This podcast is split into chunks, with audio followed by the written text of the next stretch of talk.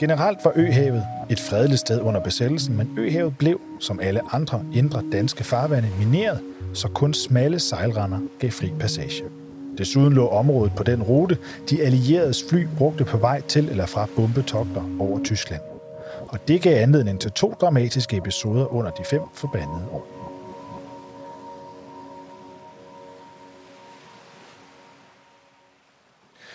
Den første fandt sted allerede i august 1940. Kort efter besættelsen havde britiske fly droppet et utal af magnetiske miner i de danske farvand i håb om at genere besættelsesmagten mest muligt. Et af de britiske fly kom en sommerdag i 1940 strygende hen over Øhavet, skarpt forfulgt af en tysk jæger.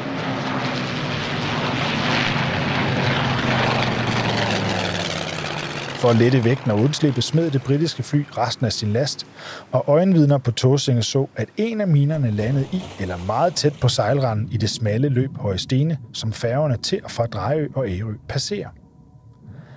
Det var med stor forsigtighed, at man i den følgende tid sejlede gennem Højesteine, men da man ikke kunne finde minen, og der ingenting skete, regnede man efterhånden med, at minen enten ikke virkede, eller også lå på så dybt vand, at den ikke var et problem.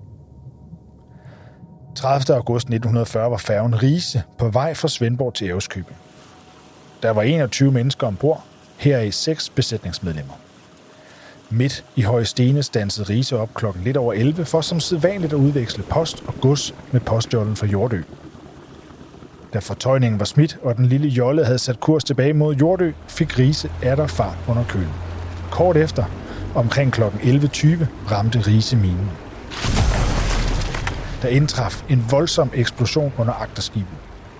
Bunden blev revet op, og damperen blev så stærkt beskadiget, at den kort efter sank. Og da der ikke var så dybt, stak en del af skibet dog op over vandlinjen.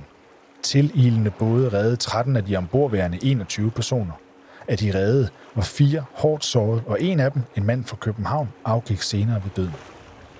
Tre af de seks besætningsmedlemmer døde. Derudover mistede en familie på fire fra Frørup livet, samt en kvinde fra Tvid. Derefter var der roligt i Øhavet frem til februar 1944. Natten til 15. februar 1944 åbnede de britiske luftstyrker et massivt angreb mod Berlin. Ikke mindre end 875 fly gik næsten samtidig på vingerne tungt lastet med bomber. Et landkaster bombefly med otte mand ombord, der fløj ind over det sydlige Jylland på vej mod Berlin, blev opdaget og forfulgt af et tysk jægerfly. Det stod snart klart for piloten, at den tunge landkaster ikke havde en chance. Et sted mellem Avanakø og Tosinge blev det britiske fly ramt. Piloten forsøgte at dreje mod nordøst, men tabte højde, og han gav alle mand besked på at springe ud. Edvard Broholm fra Skarø så mindst tre faldskærme på vej ned, da flyet eksploderede i luften, og vragdelene regnede ned på øerne og i vandet. Han fortalte senere, at Vi satte og spiste aftensmad, da skyeriet sammen med kraftige flymotorstøj tog sin begyndelse. Stemningen var tryggende, vi vidste aldrig, hvornår en vissel fra en faldende bum skulle ændres til det frygtelige brag, der bragte dø og ødelæggelse med sig. Jeg kunne blive inde, men løb ud i marken foran huset, hvor jeg havde overblik over himlen og horisonten. Pludselig kom der et frygteligt brag, og sekunder efter et spektakel, som om en taskelag af blikflager var blæst ud over markerne. Samtidig med det raslende spektakel kom der et lufttryk langs jorden så kraftigt, at det fik mig til at trine to-tre skridt baglæns, og jeg havde en fornemmelse, som om bukserne skulle blæse af mig.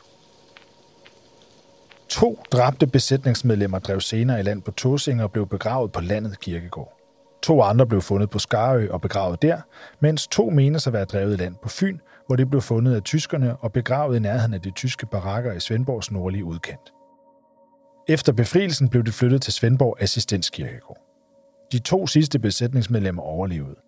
En landede med faldskærm på Skarø, men brækkede benene under nedslaget, og den anden landede i det lave vand ved øen.